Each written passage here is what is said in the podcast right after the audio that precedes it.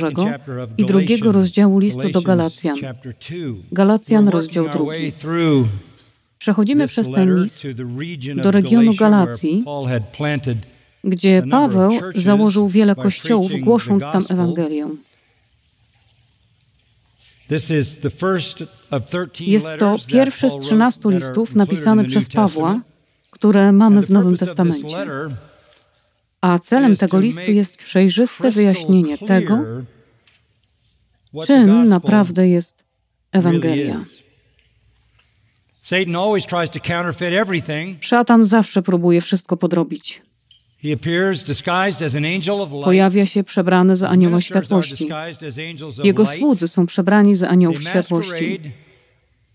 Podają się za nich wśród ludu Bożego i w Kościele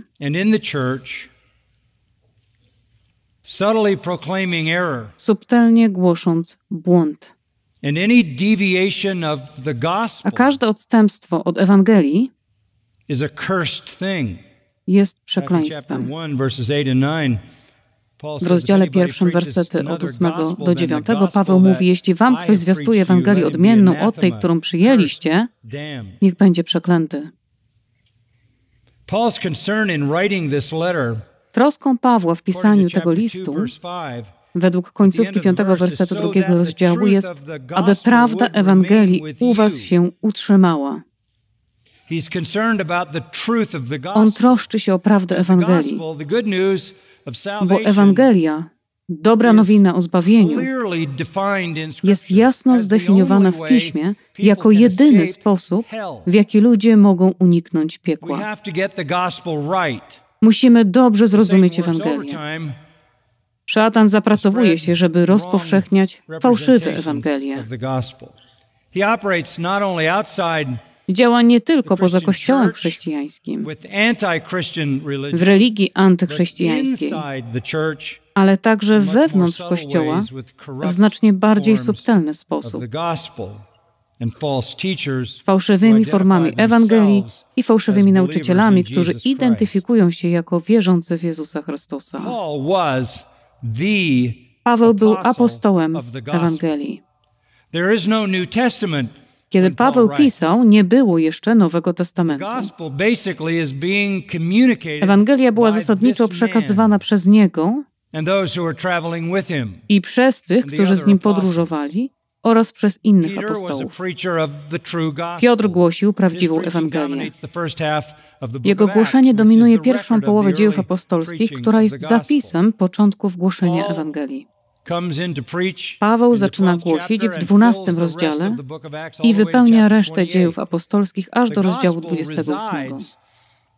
Ewangelia zamieszkiwała w nich, dopóki nie została ostatecznie spisana w Nowym Testamencie przez apostołów oraz tych, którzy byli ich współpracownikami. Było zatem konieczne, by ludzie wierzyli Pawłowi. Fałszywi nauczyciele zawsze podążali za pracą Pawła. Przybyli też do Galacji i przynieśli tam fałszywą Ewangelię. Prawdziwa Ewangelia była jasna. Ludzie w Galacji, w miastach Galacji, gdzie powstały kościoły, uwierzyli w prawdziwą Ewangelię. Ale przyszli fałszywi nauczyciele z inną Ewangelią, no która nie jest Ewangelią, którzy zostaliby przeklęci przez Boga za głoszenie odstępczej Ewangelii. I w zasadzie powiedzieli, Ewangelia, którą głosił Paweł, nie jest prawdziwa. Zbawienie nie jest tylko przez wiarę. Musicie też przestrzegać tradycji, zwyczajów, ceremonii i obrzezania Mojżesza. Byli to Żydzi rzekomo wierzący w Chrystusa, wierzący w Jego śmierć i zmartwychwstanie, akceptujący Go jako Mesjasza i Zbawiciela. Ale Jego dzieło nie było wystarczające i wiara w Niego nie była wystarczająca. Jeśli miałeś być zbawiony jako poganin, musiałeś zostać obrzezany i przestrzegać standardów prawa mojżeszowego. Paweł napisał list do Galacjan, żeby bronić prawdziwej Ewangelii I robi to w rozdziałach trzecim i czwartym. W rozdziałach pierwszym i drugim broni swojego apostolstwa, ponieważ jeśli mu nie uwierzą, to nie mają źródła prawdziwej Ewangelii. Jest apostołem pogan. To on głosi prawdziwą Ewangelię. Fałszywi nauczyciele, nazywani judaizantami, chcieli zmienić pogan w swego rodzaju Żydów przez zmuszanie ich do przestrzegania prawa mojżeszowego. Judaizanci twierdzili, że Paweł jest fałszywym apostołem, bo nie uwzględnia przepisów mojżeszowych. Zanim mógł więc jasno zdefiniować Ewangelię, co zrobił w rozdziałach trzecim i czwartym, a właściwie co zobaczymy, zaczął pod koniec rozdziału drugiego, musiał bronić swojego apostolstwa. Dlatego zaczął w rozdziałach pierwszym i drugim od obrony faktu, że został wyznaczony przez Boga, osobiście powołany przez Chrystusa, a następnie szkolony przez Chrystusa przez trzy lata na pustyni zwanej Arabią Nabatejską. Nie był wcale inny, ani mniejszy, niż wszyscy pierwsi apostołowie. Apostoł musiał widzieć zmartwychwstałego Chrystusa, on widział go na drodze do Damaszku i jeszcze kilka razy później. By być prawdziwym apostołem, trzeba było być posłanym przez Chrystusa. Na drodze do Damaszku w dziewiątym rozdziale dziejów apostolskich był bezpośrednio posłany przez Chrystusa. By być prawdziwym apostołem, trzeba było być nauczanym przez Chrystusa. Pierwsi apostołowie spędzili trzy lata z Chrystusem. Chrystus nauczał ich przez trzy lata. Jezus zabrał więc Pawła do Arabii Nabatejskiej na trzy lata, gdzie go nauczał. Był w jednoosobowej klasie. Na początku pierwszego rozdziału broni swojego apostolstwa w oparciu o osobiste powołanie przez Chrystusa oparte na Jego osobistym nauczaniu przekazanym przez Chrystusa. Mówi, nie nauczyłem się Ewangelii od ludzi. Nie uczyli mnie ludzie. Nie nauczyłem się jej od apostołów w Jerozolimie. Zostałem bezpośrednio nauczony przez samego Chrystusa. To wstępne poświadczenie prawdziwości jego apostolstwa. A następnie w rozdziale drugim mówi, potem po 14 latach udałem się do Jerozolimy i usiadłem z apostołami. Trzy lata na pustyni plus kolejnych 14 lat to w sumie 17 lat, zanim udałem się do Jerozolimy. Nie nauczyłem się jej od apostołów, nie otrzymałem jej od ludzi. 14 lat później, po tym jak wróciłem z osobistego trzyletniego szkolenia z Chrystusem, udałem się do Jerozolimy, a kiedy tam dotarłem, przekazałem im Ewangelię, którą przekazał mi Chrystus i którą głosiłem przez 14 lat w świecie pogańskim. A oni potwierdzili, że była to prawdziwa Ewangelia. I zgodnie z wersetem 9 Jakub, brat naszego Pana, głowa Kościoła, Kefas, czyli Piotr i Jan, apostołowie, podali mnie i Barnabie prawicę na dowód wspólnoty. Innymi słowy, akt solidarności. Głosisz prawdziwą Ewangelię idź do pogan. Mówi więc, jestem apostołem, bo Bóg mnie wybrał i Chrystus mnie powołał. Jestem prawdziwym apostołem, bo byłem osobiście szkolony przez Chrystusa przez trzy lata. Jestem apostołem, bo moje przesłanie zostało potwierdzone przez apostołów i przywódców. Jakuba, przywódcę Kościoła i dwóch apostołów Piotra i Jana. Następnie przechodzi do trzeciej obrony swojego apostolstwa, konfrontacji Piotra. Zacznijmy w wersecie 11. Ale gdy Kefas, to aramejskie słowo na imię Piotr, gdy przyszedł Kefas do Antiochii, przeciwstawiłem mu się otwarcie. W tym czasie Paweł był pastorem kościoła w Antiochii razem z Barnabą i kilkoma innymi mężczyznami. Piotr przybył tam z wizytą i został dość długo. A gdy przyszedł Piotr do Antiochii, przeciwstawiłem mu się otwarcie, bo też okazał się winnym. To jest swego rodzaju główny dowód jego prawdziwego apostolstwa. Dosłownie potępia czołowego apostoła.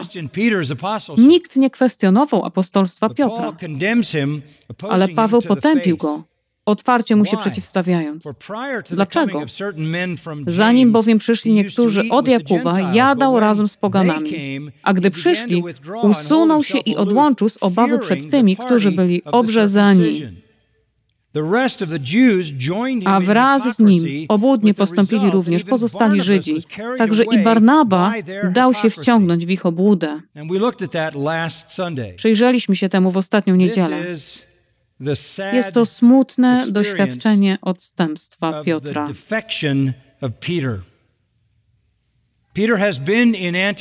Piotr był w Antiochii już od jakiegoś czasu.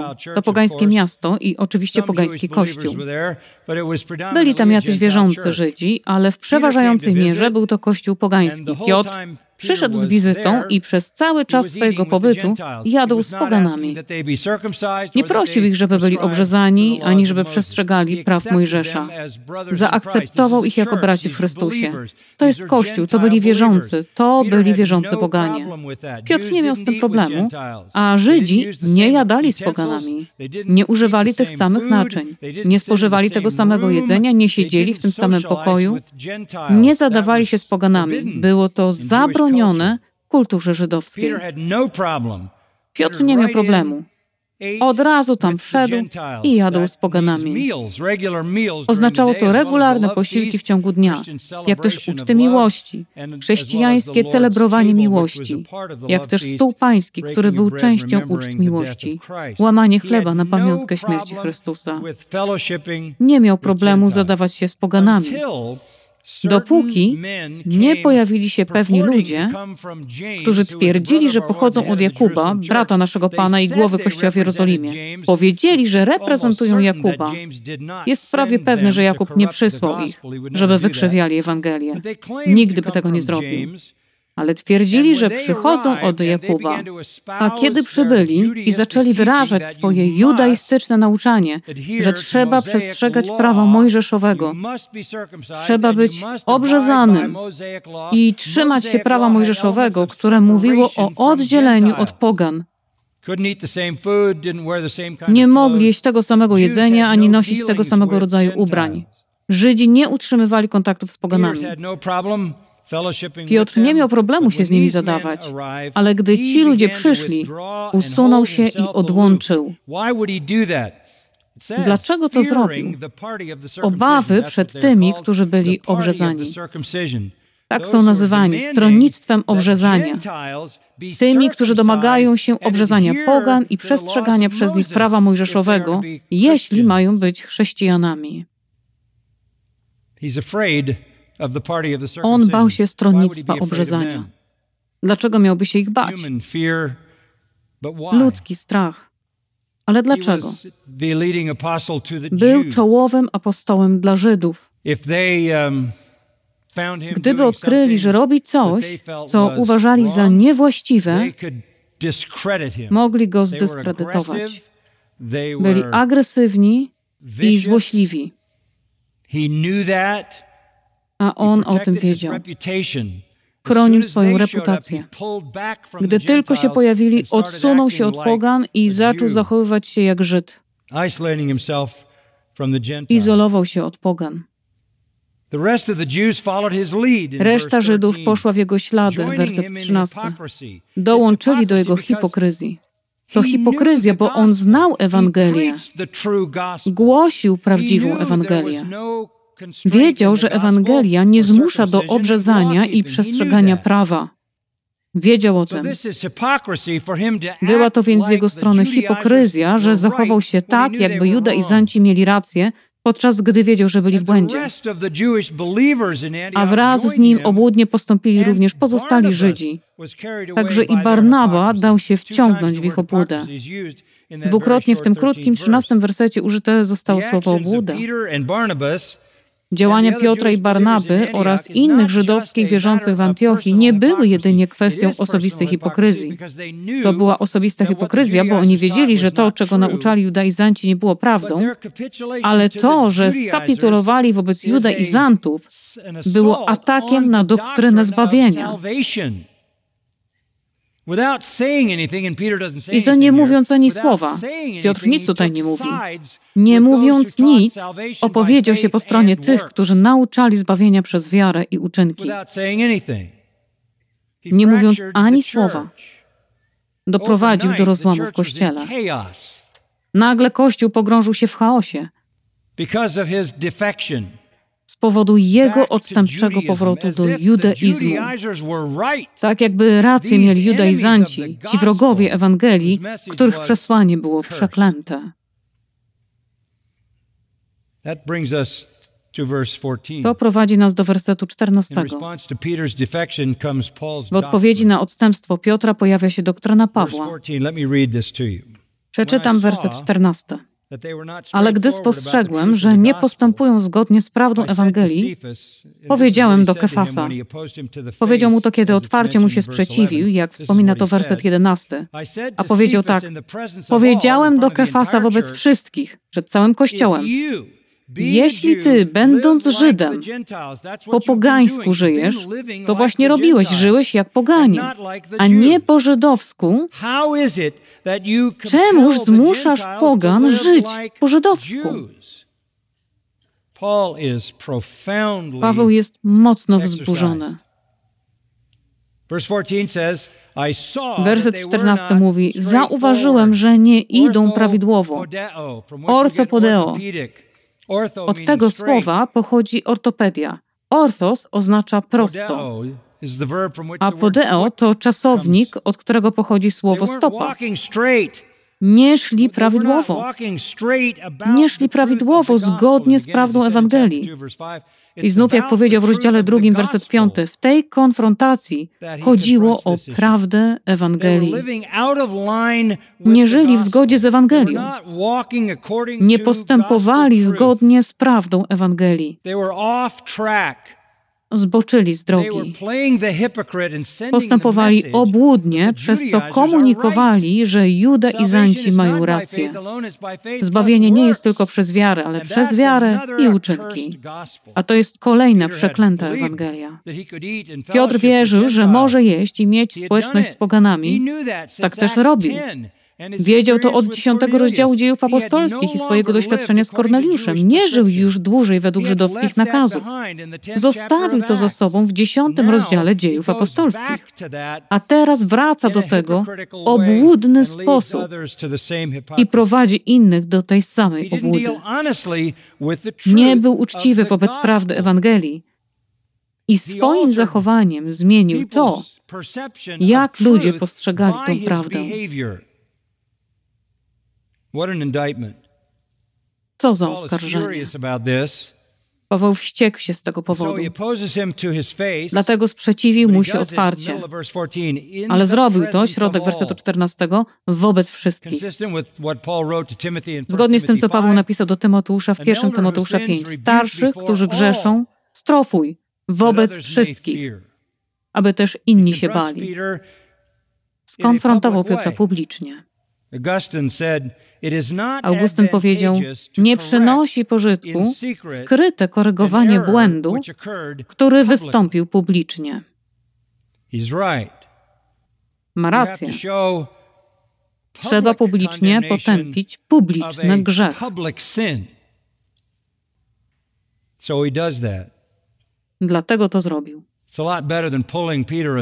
To o wiele lepsze niż odciąganie Piotra na bok i próba poprawiania go na osobności. Musiał być skonfrontowany publicznie, bo właśnie tam się wycofał, czym zdezorientował ludzi.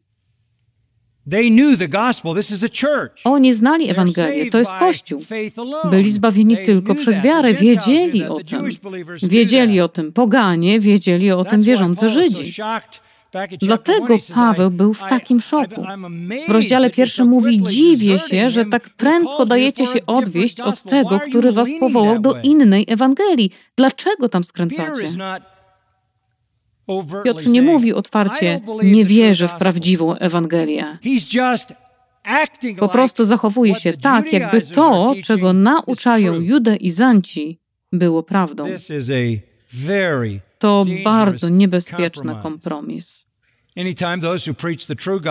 Zawsze, kiedy ci ludzie głoszą prawdziwą Ewangelię, uznają lub przyjmują kogokolwiek, kto naucza fałszywej Ewangelii, panuje zamieszanie. Wyjdźcie spośród nich no i odłączcie się. Światłość nie ma społeczności z ciemnością, a Chrystus z Belialem. Piotrze, Nie możesz tego zrobić. Wszyscy w Antiochii wiedzą, że przywykłeś do życia jak poganin od dziesiątego rozdziału dziejów apostolskich. Żyłeś tak też tutaj. I wszyscy wiedzą, że głosisz Ewangelię łaski, że uznajesz Ewangelię tylko z łaski, tylko przez wiarę. A teraz przyjasz judaizantom i zachowujesz się tak, jakby mieli rację, sprzymierzając się z nimi. To zagraża integralności Ewangelii. Zawsze chodzi o Ewangelię. To jest poważne naruszenie. W ten sposób dochodzimy do wersetu 15. Widzieliśmy odpowiedź Pawła w wersecie 14. Teraz słyszymy jego oświadczenie. On się cofa, żeby ponownie zdefiniować Ewangelię. Jego oświadczenie jest w wersetach 15 i 16. My jesteśmy Żydami z urodzenia, a nie grzesznikami z pogan. Wiedząc wszakże, że człowiek zostaje usprawiedliwiony nie z uczynków zakonu, a tylko przez wiarę w Chrystusa Jezusa, i myśmy w Chrystusa Jezusa uwierzyli, abyśmy zostali usprawiedliwieni z wiary w Chrystusa, a nie z uczynków zakonu, ponieważ z uczynków zakonu nie będzie usprawiedliwiony żaden człowiek. Mamy tu ważne słowo. Jest tam słowo wiara jest tam słowo prawo. Ale jest tam jeszcze jedno słowo użyte po raz pierwszy, które ma kluczowe znaczenie dla przesłania tego listu i dla Ewangelii. Jest to słowo usprawiedliwione. Widzimy je trzy razy w wersecie 16, jeden raz w wersecie 17, a potem powtarza się raz jeszcze w wersecie 21. Paweł zamierza wypowiedzieć się na temat doktryny usprawiedliwienia, która wyjaśnia spojrzenie prawdziwej Ewangelii na wiarę i prawo. Paweł rozwija tę wielką, podstawową doktrynę usprawiedliwienia tylko z wiary. Jest to artykuł wiary, o którym Luther powiedział: Jeśli go utracimy, utracimy całą prawdziwą doktrynę i utracimy Kościół. Jak mamy rozumieć doktrynę usprawiedliwienia? Przedstawię Wam kontrast. Gdybyś powiedział komuś w sądzie, jesteś potępiony, Rozumiałbyś to. Przeciwieństwem tego jest powiedzenie komuś: jesteś usprawiedliwiony, jesteś sprawiedliwy. To przeciwieństwo potępienia. Usprawiedliwienie jest przeciwieństwem potępienia. Potępienie mówi, że jesteś winny, usprawiedliwienie mówi, że jesteś niewinny. Potępienie mówi, że jesteś zły. Usprawiedliwienie mówi, że jesteś sprawiedliwy. Potępienie mówi, że jesteś zły, usprawiedliwienie mówi, że jesteś dobry. To termin prawny, to termin sądowy. Potępić kogoś to uznać go za winnego, usprawiedliwić kogoś to uznać go za niewinnego. W Biblii usprawiedliwienie jest wolnym, łaskawym aktem Boga, by which He declares przez który ogłasza on grzesznika niewinnym, przebaczając mu, ułaskawiając go i przyjmując go do społeczności. To jest fundament prawdziwej religii, chrześcijaństwa i Ewangelii. Znów pojawia się pytanie Bildada z Księgi Hioba 25. Jakże człowiek może być sprawiedliwy w obliczu Boga? Jak potępiony grzesznik może być uznany sprawiedliwym? Paweł odpowiada, przez wiarę. Przez wiarę w Chrystusa. Tylko przez wiarę. Nie przez uczynki. Mamy więc tutaj stwierdzenie o usprawiedliwieniu tylko przez wiarę. Jest to bardzo wyraźne i niepodważalne. Ale zauważmy siłę tego żydowskiego argumentu. My jesteśmy Żydami z urodzenia, a nie grzesznikami z pogan, werset 15. Co on mówi? My, czyli żydowscy chrześcijanie, tacy jak Piotr, do którego mówi, oraz Paweł i Barnaba. My, tak jak inni żydowscy wierzący w kościele w Antiochii, my, choć jesteśmy Żydami z urodzenia, a nie grzesznikami z pogan. To jest kontrast, który musisz zrozumieć. Paweł mówi, my wszyscy jesteśmy Żydami z urodzenia, ci z nas, którzy jesteśmy synami Abrahama. Całe życie żyliśmy zgodnie z prawem.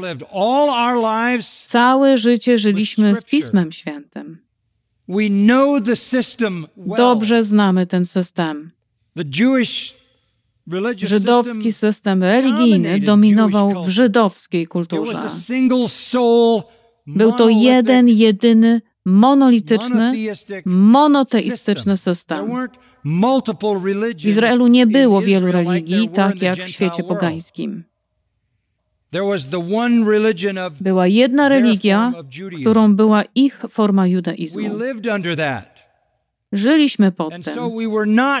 Więc nie byliśmy grzesznikami, tak jak poganie. Jak to nie jesteście grzesznikami? On mówi przez to, że w widzialnym, oczywistym, ziemskim sensie nasz judaizm określał nasze życie. Nasz judaizm nas ograniczał. Poganie nazywani są grzesznikami, bo żyli bez ograniczeń. Żyli bez ograniczeń. Ich bóstwa są nędzne. Ich bóstwa są niemoralne. Ich świątynie są pełne prostytutek. Religia pogańska jest obrzydliwą, niemoralną religią. My tacy nie byliśmy. Wiemy, jak to jest żyć zgodnie z prawem. Nie żyliśmy jak pogańscy grzesznicy. Wiemy, jak to jest żyć pod prawem i żyliśmy pod prawem, a prawo poskramiało nas i ograniczało nas. Staraliśmy się kochać Boga i staraliśmy się przestrzegać Jego przekazań. Pościliśmy, modliliśmy się, i dawaliśmy jałmużnę. I czego nauczyliśmy się, żyjąc pod prawem? Czego się nauczyliśmy? Werset 16. Oto czego się nauczyliśmy. Wiedząc wszakże, że człowiek zostaje usprawiedliwiony nie z uczynków zakonu. My już tam byliśmy. Już tam byliśmy. Stanowisko judaizantów jest takie: musisz funkcjonować pod prawem. Żydzi mówią: Hej, byliśmy tam. Paweł mówi: Doświadczyliśmy tego wszystkiego. Zrobiliśmy to, o czym mówi Rzymian 10:3. Staraliśmy się ustanowić naszą własną sprawiedliwość. Próbowaliśmy wypracować sobie drogę do Boga jak Paweł w swoim świadectwie w trzecim rozdziale listu do Filipian. I czego się dowiedzieliśmy? Dowiedzieliśmy się, że człowiek nie jest usprawiedliwiony przez uczynki prawa. Dlatego uciekliśmy do Chrystusa. Dlatego jesteśmy chrześcijanami. To było zewnętrzne. Jezus zwrócił na to uwagę w kazaniu na górze. Nikogo nie zabijesz, ale nienawidzisz ludzi, więc w swoim sercu jesteś mordercą. Nie popełniasz zdrady, ale pożądasz, więc w swoim sercu jesteś cudzołożnikiem. Jesteś cudzołożnikiem w swoim sercu. Wiemy, że prawo nie może zmienić serca. My tam byliśmy. Prawo doprowadziło nas jedynie do potępienia i do śmierci. Wiemy, że próba życia według prawa o własnych siłach jest daremna.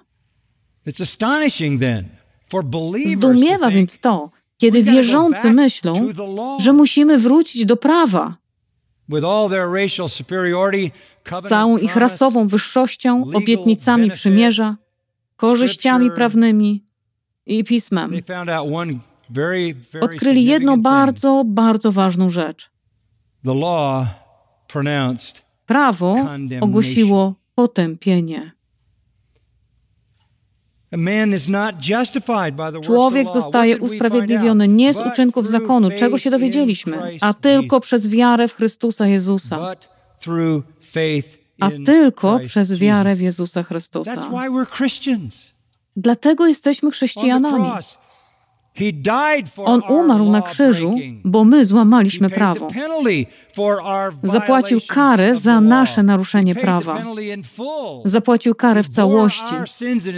Wziął nasze grzechy w swoim ciele na krzyż stał się za nas grzechem. A wszystko, co jest wymagane, żebyśmy zostali usprawiedliwieni, to uznanie tego grzechu i bezradności, opamiętanie się z samowoli, własnych starań i samosprawiedliwości oraz złożenie całej naszej ufności w dziele Jezusa Chrystusa. Zrobiliśmy to. Uwierzyliśmy i zostaliśmy usprawiedliwieni oraz otrzymaliśmy Ducha Świętego, więc żyjemy życiem, które dał nam Bóg. Dosłownie mówi w wersecie 16 przez wiarę eis, przez wiarę w Jezusa Chrystusa, w Jezusa Chrystusa. To akt głębokiego zaangażowania. Nie tylko zgodzenia się, że Jezus żył i umarł, ale ucieczki do Niego jako do naszego schronienia. A kiedy uciekamy się do Chrystusa jako do naszego schronienia, przyjmujemy tego, który w pełni zaspokoił Boże prawo i tego, który poniósł karę za wszystkie nasze grzechy sądowym aktem Boga, bo nasze grzechy zostały spłacone w Chrystusie. Bóg uznał nas za sprawiedliwych jedynie przez wiarę. Nikodem był przełożonym Żydów członkiem rządzącej partii faryzeuszy. Należał do elity przywódców Jerozolimy. Był skrajnie ekstremalnym legalistą. Był faryzeuszem, no a przed nim nie było innych faryzeuszy, którzy by się nawrócili. Byli tak skrajnymi legalistami. Przyszedł do Jezusa pośród całego swojego wymagającego, skrajnego legalizmu. Był związany wszystkimi nakazami mojżeszowymi. A pytaniem w jego sercu było, jak mogę dostać się do Królestwa Niebieskiego? Jak mogę dostać się do Królestwa Bożego? Więc mamy Żyda, który przestrzegał prawa tak bardzo, jak to tylko możliwe, aż do ekstremalnego poziomu i zgadnijcie, on wie, że nie jest w Królestwie. Do tego miejsca doszli Żydowie żydowscy wierzący. Widzieliśmy, co zrobiło prawo. Było bezużyteczne. Nikodem przychodzi z tym wszystkim i wie, że nie jest w królestwie. On chce wiedzieć, jak mogę znaleźć się w królestwie. A Jezus nie mówi mu, potrzebujesz zrobić jeszcze kilka rzeczy. Mówi, musisz narodzić się na nowo. Musisz dosłownie wrócić i zacząć wszystko od nowa. Nic z tego nie ma znaczenia. Bez znaczenia są uczynki nagromadzone przez całe życie. Pędzisz do piekła równie szybko, co humanistyczny, naturalistyczny, niemoralny ateista. Musisz zacząć wszystko od nowa bo uczynki no nie grają żadnej roli. Jak to możliwe, mówi Nikodem. Jezus mówi, musicie narodzić się z góry. Wy nie możecie tego zrobić. Bóg musi to zrobić. Grzesznik może tylko wołać do Boga, by dał mu życie i wiarę w Chrystusa. Żyliśmy więc pod prawem. Wiemy, że człowiek zostaje usprawiedliwiony nie z uczynków zakonu, tylko przez wiarę w Chrystusa Jezusa. I myśmy w Chrystusa Jezusa uwierzyli, abyśmy zostali usprawiedliwieni z wiary w Chrystusa, a nie z uczynków zakonu. I teraz ogólna zasada, ponieważ z uczynków zakonu nie będzie usprawiedliwiony żaden człowiek. It's impossible. To niemożliwe. My tam byliśmy, mówi do Piotra. Byliśmy tam, byliśmy pod prawem. Co to dało? Tylko nas to potępiło. Mamy więc reakcję Pawła a następnie stwierdzenie Pawła, które powtarza trzy razy w tym szesnastym wersecie, tak, że jest to absolutnie jednoznaczne. Jest to osobiste, uwierzyliśmy. Jest to uniwersalne. No Nie będzie usprawiedliwiony żaden człowiek. Uwierzyliśmy w jedyną możliwą prawdę, która może nas usprawiedliwić w oczach Boga. Nawiasem mówiąc, on wciąż strofuje tutaj Piotra, Barnabę i pozostałych. Mamy więc jego reakcję, jego oświadczenie, a teraz chcę, żebyście zauważyli od 17 wersetu do końca. Omówimy to krótko, choć moglibyśmy poświęcić temu całe życie. Wiem, że wiele o tym wiecie, więc nie chcę znów przywoływać tego wszystkiego w szczegółach. Przyjrzyjmy się jednak temu, co mówi. To jest jego obrona. Mieliśmy odpowiedź i oświadczenie, a to jego obrona. On broni usprawiedliwienia tylko przez wiarę. Widzimy tutaj, że Biblia to nie zbiór sentymentalnych myśli o religii. Biblia jest pełna potężnych, starannie opracowanych argumentów natchnionego, błyskotliwego umysłu. Jeden z nich widzimy w tych wersetach. Spójrzmy więc na to i trzymajmy się tego. A jeśli szukając usprawiedliwienia w Chrystusie, co jest jedyną drogą, oczywiście przez wiarę, i my sami okazaliśmy się grzesznikami, to czy Chrystus jest sługą grzechu? Kiedy to czytasz, to mówisz najpierw chwileczkę. Co on to mówi? Zasadniczo na potrzeby argumentacji przyznaje rację judaizantom. Judaizanci uważali, że jeśli wszystko, co robisz, to ufanie w wiarę, nie jesteś zbawiony. Musisz wrócić do prawa, obrzezać się i przestrzegać prawa. Więc Paweł mówi, dobrze, jeśli szukając usprawiedliwienia w Chrystusie i my sami okazaliśmy się grzesznikami, to czy Chrystus jest sługą grzechu? Jeśli judaizanci mają rację, pomyślcie razem ze mną, jeśli judaizanci mają rację, to Chrystus wystawił nas na grzech.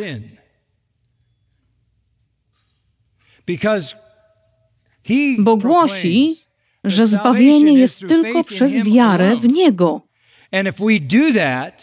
A jeśli to zrobimy, uwierzymy w Niego, otrzymamy Jego łaskę, przyjmiemy ją przez wiarę, a teraz wy, judaizanci, mówicie, że skoro nie trzymamy się prawa, to jesteśmy grzesznikami, więc Chrystus uwolnił nas, by doprowadzić nas do grzechu.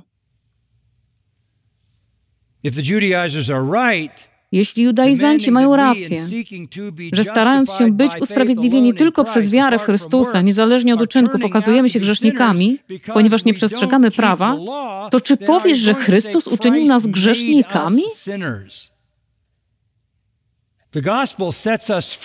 Ewangelia uwalnia nas od prawa, od tyranii prawa, od panowania prawa i od kary prawa.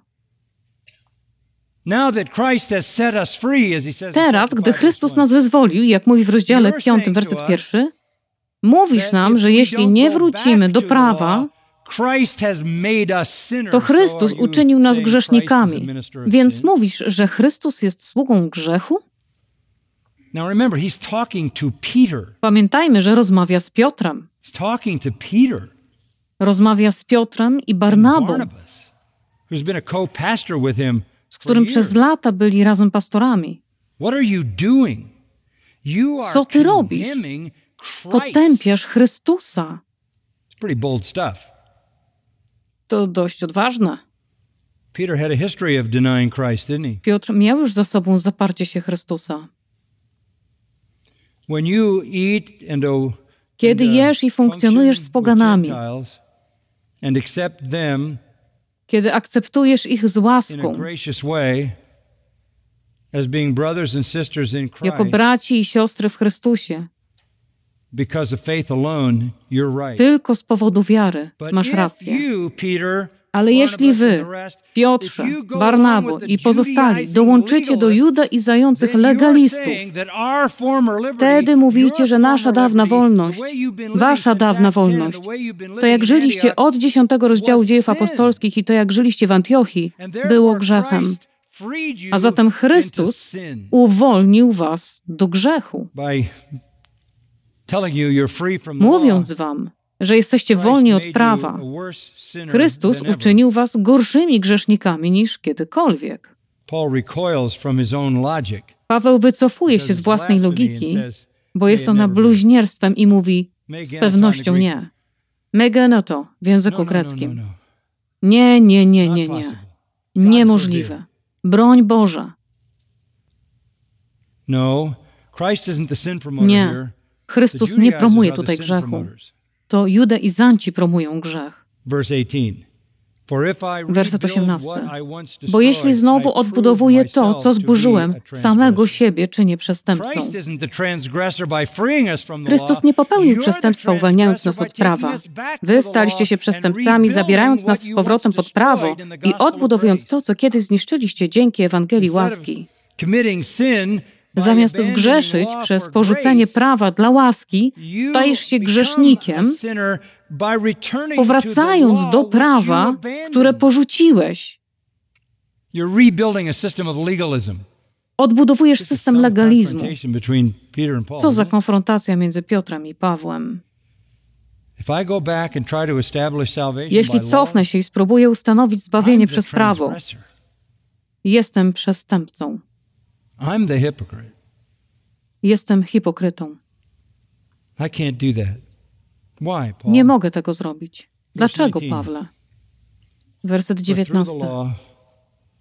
Albowiem ja przez zakon umarłem zakonowi, abym żył Bogu. On mówi, to jest fakt historyczny, umarłem dla prawa. Jako chrześcijanin nie definiujesz swojego życia przez prawo. Nie definiujesz swojego życia przez prawo. Robią tak legaliści i libertyni.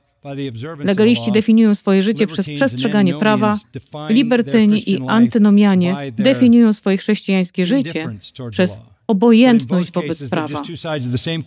Ale w obu przypadkach są to tylko dwie strony tego samego medalu. Definiują chrześcijańskie doświadczenie przez relacje z prawem.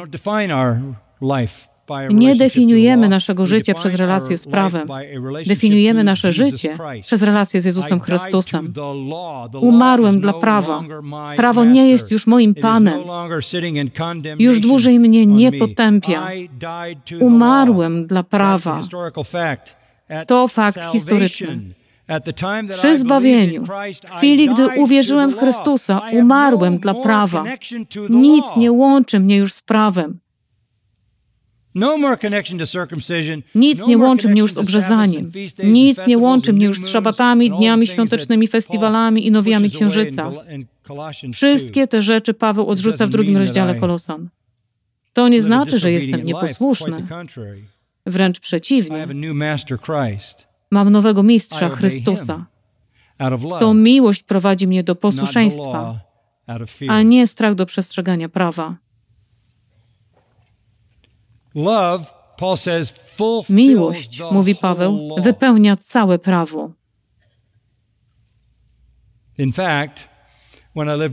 Tak naprawdę, kiedy żyłem pod prawem, nie mogłem przestrzegać prawa i byłem grobem pobielanym. Na zewnątrz pomalowanym na biało, a wewnątrz pełnym cuchnących kości umarłych. Ale w Chrystusie mogę wypełnić prawo. Rzymian 8:1 z głębi serca. Dlaczego? Ponieważ z usprawiedliwieniem przychodzi odrodzenie, a wraz z odrodzeniem przychodzi nowe serce, nowy duch, nowa natura. Prawo nie definiuje mojego życia. Nie jestem legalistą ani libertynem. Moja perspektywa nie skupia się na prawie. Żyję dla Boga. Jak to się stało? Jak przeszedłeś od prawa, które definiuje wszystko, obrzezanie, wszystkie ograniczenia, ceremonie, rytuały i wymagania? Jak przeszedłeś od tego do zwykłego życia dla Boga? Wyjaśnia to werset 20, jeden ze wspaniałych wersetów Biblii. Z Chrystusem oh, jestem ukrzyżowany. Jak umarłeś dla prawa. Z Chrystusem jestem ukrzyżowany. Żyję więc już nie ja, ale żyje we mnie Chrystus. A obecne życie moje w ciele jest życiem w wierze w Syna Bożego, który mnie umiłował i wydał samego siebie za mnie. Czy widzisz w tym wersecie jakieś prawo? To werset, który definiuje, czym jest bycie chrześcijaninem. Zostałeś ukrzyżowany z Chrystusem, zmartwychwstałeś z Chrystusem. To już nie ty żyjesz, ale żyje w tobie Chrystus, a twoje obecne życie nie jest życiem pod prawem, ale życiem, wiarą w Syna Bożego, który mnie umiłował i wydał samego siebie za mnie, mówi Paweł. Żyję w miłości do Zbawiciela, który mnie umiłował i wydał siebie za mnie.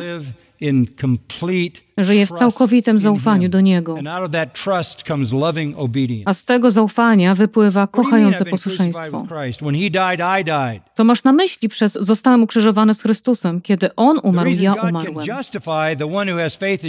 Bóg może usprawiedliwić tego, kto ma wiarę w Jezusa, bo Jezus zapłacił w całości karę za grzechy tego wierzącego. Mówiłem to wiele razy na przestrzeni lat. Na krzyżu Jezus został ukarany za wszystkie grzechy wszystkich ludzi w całej historii, którzy kiedykolwiek uwierzą. Kiedy On umarł, ja zostałem tam ukrzyżowany. Kiedy On zmartwychwstał, ja powstałem razem z Nim. Mamy to w Rzymian 6. Ochrzczony lub zanurzony w Jego śmierć, zanurzony w Jego zmartwychwstanie, prowadzący nowe życie. Nie jestem człowiekiem, którym kiedyś byłem. Żyję już nie ja, lecz żyje we mnie Chrystus. Co za stwierdzenie. Unia z Chrystusem. Nie jestem dawnym mną. Nie żyję w relacji z prawem. Żyję w relacji z Chrystusem przez wiarę. Pokładam w Nim całą moją ufność i staram się Mu podobać kochać, czcić i wielbić Go. A to przekłada się na prawdziwe posłuszeństwo Bożemu prawu. Nie zewnętrznemu, nie ceremonialnemu, ale moralnemu, duchowemu. Paweł mówi to, co wszyscy wiemy. Ci z nas, którzy zostaliśmy ukrzyżowani z Chrystusem, umarliśmy i zmartwychwstaliśmy razem z Nim. Żyje już nie ja, lecz żyje we mnie Chrystus. To jest najjaśniejsza i najprostsza definicja tego, czym jest bycie chrześcijaninem. To już nie ty, to Chrystus w tobie. Stałeś się z Nim jedno. To łączy się z Panem, jest z Nim jednym duchem. Paweł w kółko powtarza, w Chrystusie, jesteśmy w Chrystusie, w Chrystusie, w Chrystusie, w Chrystusie. Potem odwraca to i mówi, Chrystus w nas, Chrystus w nas, Chrystus w nas. Nie wiem, gdzie ja się kończę, a On zaczyna.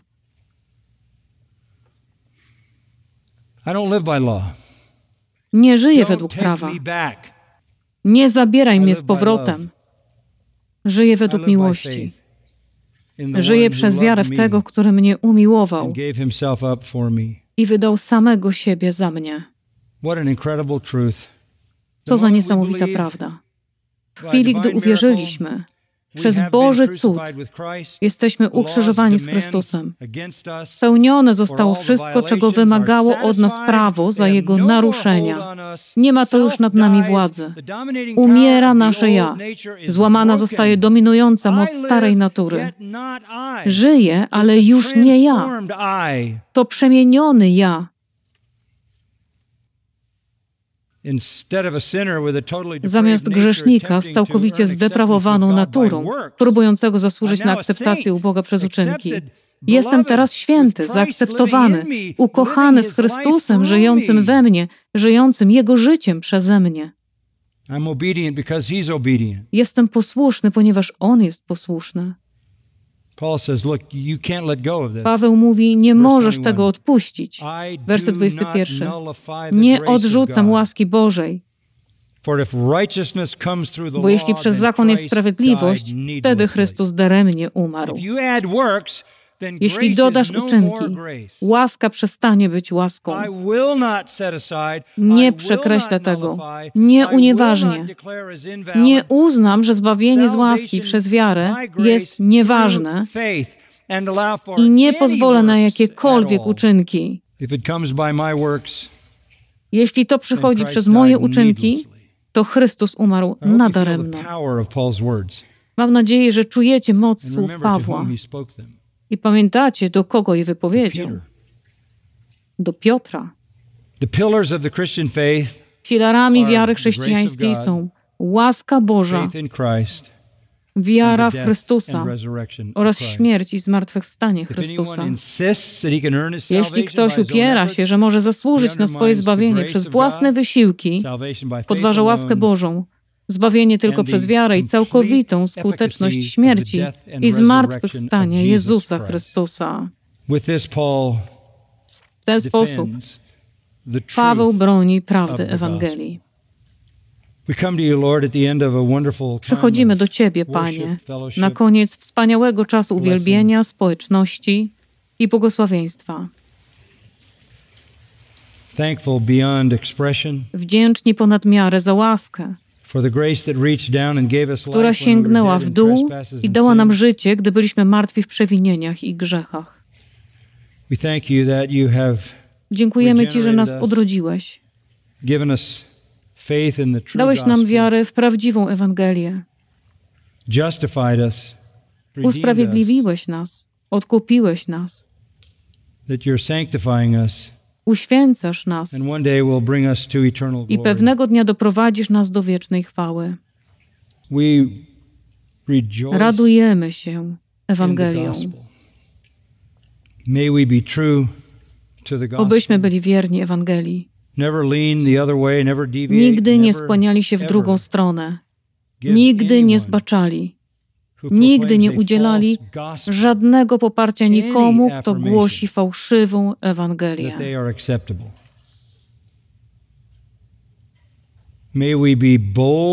Obyśmy byli odważni w głoszeniu prawdy Ewangelii. A Ty bądź uwielbiony ponieważ Chrystus stał się za nas grzechem. My staliśmy się sprawiedliwością Bożą w Nim. Pomóż nam zrozumieć bogactwo naszej unii z Chrystusem, która definiuje nasze życie i sprawia, że kochamy Twoje prawo, co było niemożliwe, zanim zostaliśmy odkupieni. Mogliśmy się go bać. We couldn't love it. Nie mogliśmy go kochać. Ale teraz je uwielbiamy. Żyjemy przez wiarę w Chrystusa. I miłość, która pochodzi od Niego. Dziękujemy Ci za to, co zrobisz w naszych sercach z prawdą. Your word to Twoje słowo, bardziej potężne niż wszelki miecz obosieczny. Użyj go dzisiaj w naszych sercach. Modlimy się o to dla Twojej chwały. Amen.